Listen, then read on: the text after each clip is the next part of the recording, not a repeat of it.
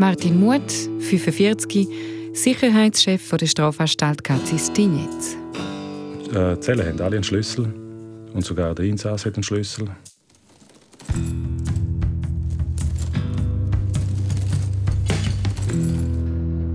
Podcast. Kein Gefängnis ist ausbruchsicher. Aber in Katzistinetz steht das neueste, das modernste Gefängnis der Schweiz und somit wohl auch eines der sichersten. Von außen sorgt eine sieben Meter hohe Mauer mit Kameras und Stacheldraht für Sicherheit. Von innen sorgt der Martin Muth dafür, dass kein Insass raus und kein Schmuggelware reinkommt. Klar, er darf als Sicherheitschef natürlich nicht allzu offen darüber reden, mit welchen Mitteln das Gefängnis sicher gemacht wird. Darum habe ich mir ein paar Ausbruchsversuche zusammengestellt aus aller Welt, sowohl wahre als auch eher Hollywoodeske, wo er dann für mich zunichte machen kann. Aber zuerst noch ein bisschen Smalltalk. Wie haben Sie denn das Gefängnis auf seine Sicherheit getestet? Äh, haben Sie da ein paar Ausbrecherkönig zur Probe inhaftiert oder wie, wie ist das gegangen?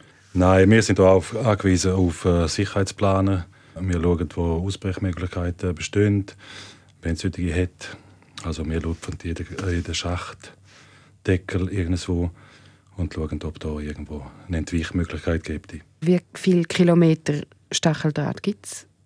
das weiß ich jetzt nicht. Aber äh, es ist etwa einen Kilometer rundherum. Also etwa drei, vier Kilometer Stacheldraht wird sicher haben. Und wie viele Kameras sind aufgestellt? Das kann ich jetzt nicht verraten, aber es sind einige hundert. Die Mauer ist ja sieben Meter hoch. Äh, die im Gefängnis in Lenzburg zum Beispiel ist nur sechs Meter hoch. Muss denn die wirklich sieben Meter haben oder ist das mehr, damit sich die Leute besser fühlen, dass die Mauer so hoch ist? Nein, die, das ist auch ein Vorgehen vom Sicherheitsplaner, dass die eine gewisse Höhe muss haben und sieben Meter ist äh, eine ideale Höhe. Also man kann auch das dritte versuchen, man kommt nicht drüber. Das dritte Versuchen, über eine Mauer zu kommen, das ist doch ein schöner Übergang zu den ersten Ausbruchsversuchen, die ich mit Martin Muth möchte anschauen Nämlich der Klassiker über die Mauer klettern. In Horga hat es ein Ausbrecher einmal geschafft aus Gurt und äh, Schnürsenkel, um eine Art Seil zu machen und dann mit dem über die Gefängnismauern zu klettern, was mit sieben Meter Höhe vielleicht relativ viel, äh, viel Gürtel würde brauchen und wahrscheinlich auch schon dran, an dem würde scheitern. Aber warum ist es trotzdem auch, wenn man jetzt ein Seil hätte, nicht möglich, um einfach so über, äh, über die Mauern zu klettern? Ja, die Schwierigkeit ist mal äh, schon in der Nähe vom Zaun. Äh, wir haben einen Ordnungszaun der ist schon dreieinhalb Meter hoch. Und dann kommt ein Sicherheitszaun und erst dann kommt die Mauer. Eben, Kameras haben wir auch überall. Wir detektieren jeden Quadratmeter, der in der Nähe vom Zaun ist. Bei welcher Größe ungefähr merkt man, wenn etwas in der Nähe von der Mauer ist? Also gibt es so Sensoren? Das sind Kameras, die Pixel äh, messen. Und wenn die Pixelmenge, ich sage jetzt einmal eine Körpergröße von, von einem Kind misst, dann äh, gibt es bei uns an. Und wenn sich mal zum Beispiel ein Dachs oder so würde verirren Ja, das kann auch sein, dass es angibt, wenn ein Dachs kommt. Obwohl, der kommt wahrscheinlich nicht rein, wenn er nicht, äh, nicht schon drin ja. Genau.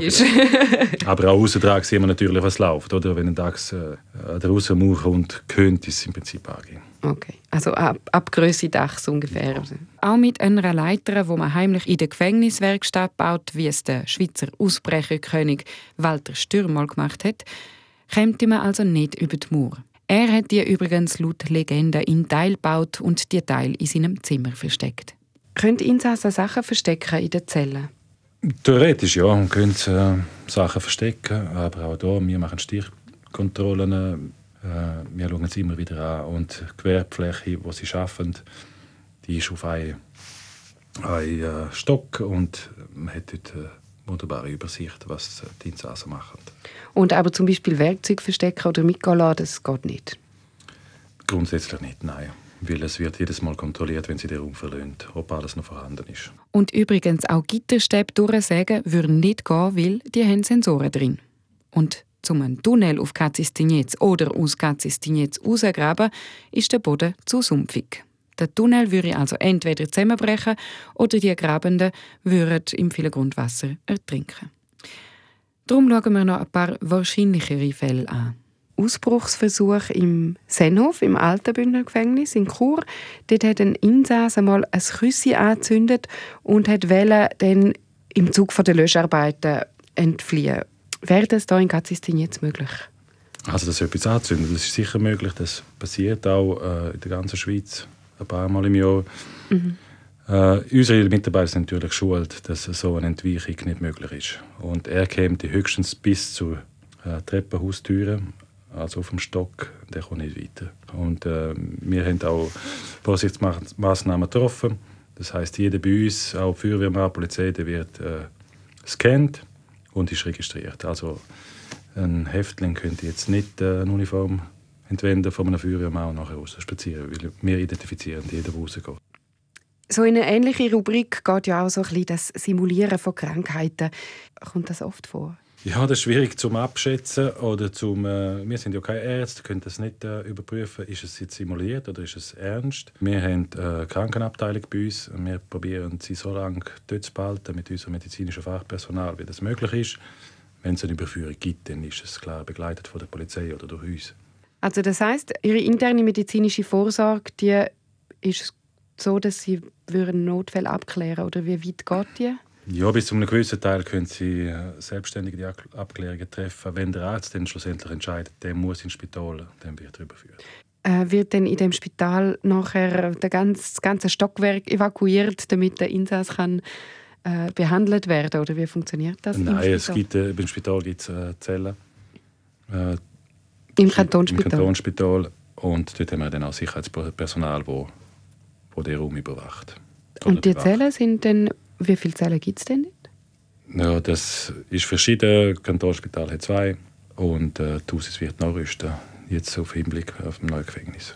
Apropos Ambulanz. Man könnte sich ja auch unter einem Auto verstecken und so durch die Schleuse probieren zu kommen. Ja, das, wir sind auch technisch aufgestellt. Äh, wir haben die sogenannte äh, Herzdetektion, die wir durchführen bei sämtlichen Fahrzeugen, die reinfahren und rausfahren. Und das wird, im Prinzip erkennt es äh, Ratten, wenn eine Ratte drauf hockt auf der Ladefläche. Und für einen Mensch ist das fast unmöglich, unerkannt auf der Ladefläche zu sein. Also auch wenn es ganz schnell gehen muss, wie bei in einem Notfall, dass vielleicht nicht der selber, der simuliert, würde auf das Auto springen, sondern der Kumpel, der irgendwie im Hinterhalt gewartet hat. Genau, also da tun wir, wir, wir auch den Rettungsdienst kontrollieren, auch die Feuerwehr, da gibt es keine Ausnahmen. Was ist denn das für eine Technik? Also ist das wie so eine Wärmebildkamera, dass neben Sie gesagt, nicht einmal eine Ratte könnte Nein, das auf dieser Achse verstecken? Das misst, äh, sagen wir mal, Herztöne. Man sagt ja Herzdetektion. Eigentlich misst der Schnuff, äh, Muskelbewegungen, Zuckungen. Im Prinzip ist das wie ein Seismograph, der Erdbeben misst. Und also. der misst genau die Ströme auf der Ladefläche, Bewegungen. Und ja. wenn einer nur schnauft, dann langt das schon. Und dann tut das schon ausschlagen? Ja. Und dann äh, gibt es uns auch, dass man ah, okay. das Fahrzeug durchsuchen muss. Wenn also nicht per Auto, vielleicht aus der Luft. In England ist es mal jemandem gelungen, mit einer Drohne eine Pistole ins Gefängnis hineinzufliegen. Ja, Drohnen ist ein allgemeines Problem. Äh, auch da sind wir technisch aufgestellt, dass wir Drohnen erkennen und sie im Notfall können abholen Mit so einem Netz wie beim WEF? Oder? Genau, es gibt mhm. auch verschiedene äh, Einsatzmittel, die man hat, aber zum Beispiel so ein Netz wie, wie im WEF. Und auch ein Helikopter hat im Übrigen Flugverbot über dem Gefängnis. Apropos moderne Technik. Könnte man das Gefängnis elektronisch lahmlegen? Also vielleicht irgendwie hacken? Ja, auch da gibt es keine hundertprozentige Sicherheit. Natürlich sind wir äh, abgeschottet. Wir haben selber unser Netz aufgebaut. Man kommt von draußen nicht richtig rein. Das Problem ist, wenn jemand einen Stick nimmt äh, und der halt äh, ein Virus drauf hat oder einen Trojaner drauf hat, dass das so übertragen wird. Das ist ein bisschen die Gefahr. Wer Aber darf denn Sticks mit Ihnen nehmen? Also auch Mitarbeiter, die dann arbeiten im? Grundsätzlich niemand. Ah. Und die, die wir haben, die bleiben in der Anstalt. Mhm. Und haben äh, aber vielleicht Insassen die Möglichkeit, um einen Stick zu benutzen? Sie haben die Möglichkeit, aber äh, auch die tun wir zuerst abgeben und dann können sie drauf ihr Zeug drüber laden. Und für Zellen setzt man immer noch auf den klassischen Schlüssel. Haben Sie denn überhaupt noch Schlüssel im Hosensack oder geht das alles elektronisch so in so einem modernen Gefängnis? Nein, wir haben nach wie vor Schlüssel. Äh, man kann sich nicht nur auf die Elektronik verlassen. Es gibt gewisse Türen, die elektronisch gehen und andere müssen wir halt den Schlüssel benutzen, wie bis anhin. Zellen zum Beispiel, haben die einen Schlüssel oder sind die elektronisch? Äh, Zellen haben alle einen Schlüssel und sogar der Insass hat einen Schlüssel. Für Zellen? Für Zellen. Das heisst, am Tag durch haben sie Zellenfreigang. Mhm. Oder wenn sie nicht schaffen, am Abend um 5 Uhr, können sie sich aufhalten auf der Gang. Und dann, äh, aus Sicherheitsgründen, können sie selber ihre Zellen aufmachen und zumachen. Aber in der Nacht? Aber in der Nacht machen wir sie zu und dann kann er auch nicht mehr raus. Ja. Hat das, und hat das auch einen, einen psychologischen Grund, dass die Zelle dann mit dem Schlüssel zugemacht wird am Ende des Tages? Also das Klickgeräusch, ist das wichtig, dass die Insassen hören, dass das klickt, wenn sie reingehen? Oder?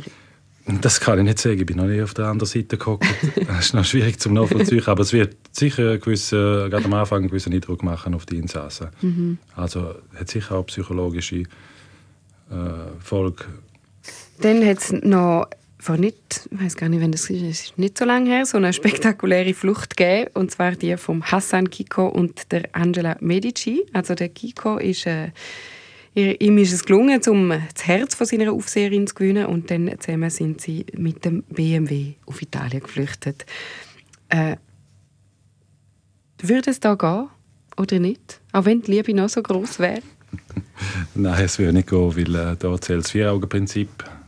Bei dem Fall, was Sie schildern, äh, ist die Frau allein gewesen, die Aufseherin mit dem und äh, das geht da eigentlich nicht, weil immer vier Augen bestätigen, dass jemand rausgeht. Also auch sogar wenn ein Vollzugsbeamter aus, äh, das Gefängnis verlässt, muss das jemand sehen? Ja, es gibt eine Einzelschleusung und dort kommt er nur allein raus, also er kann gar nicht jemand durchschleusen.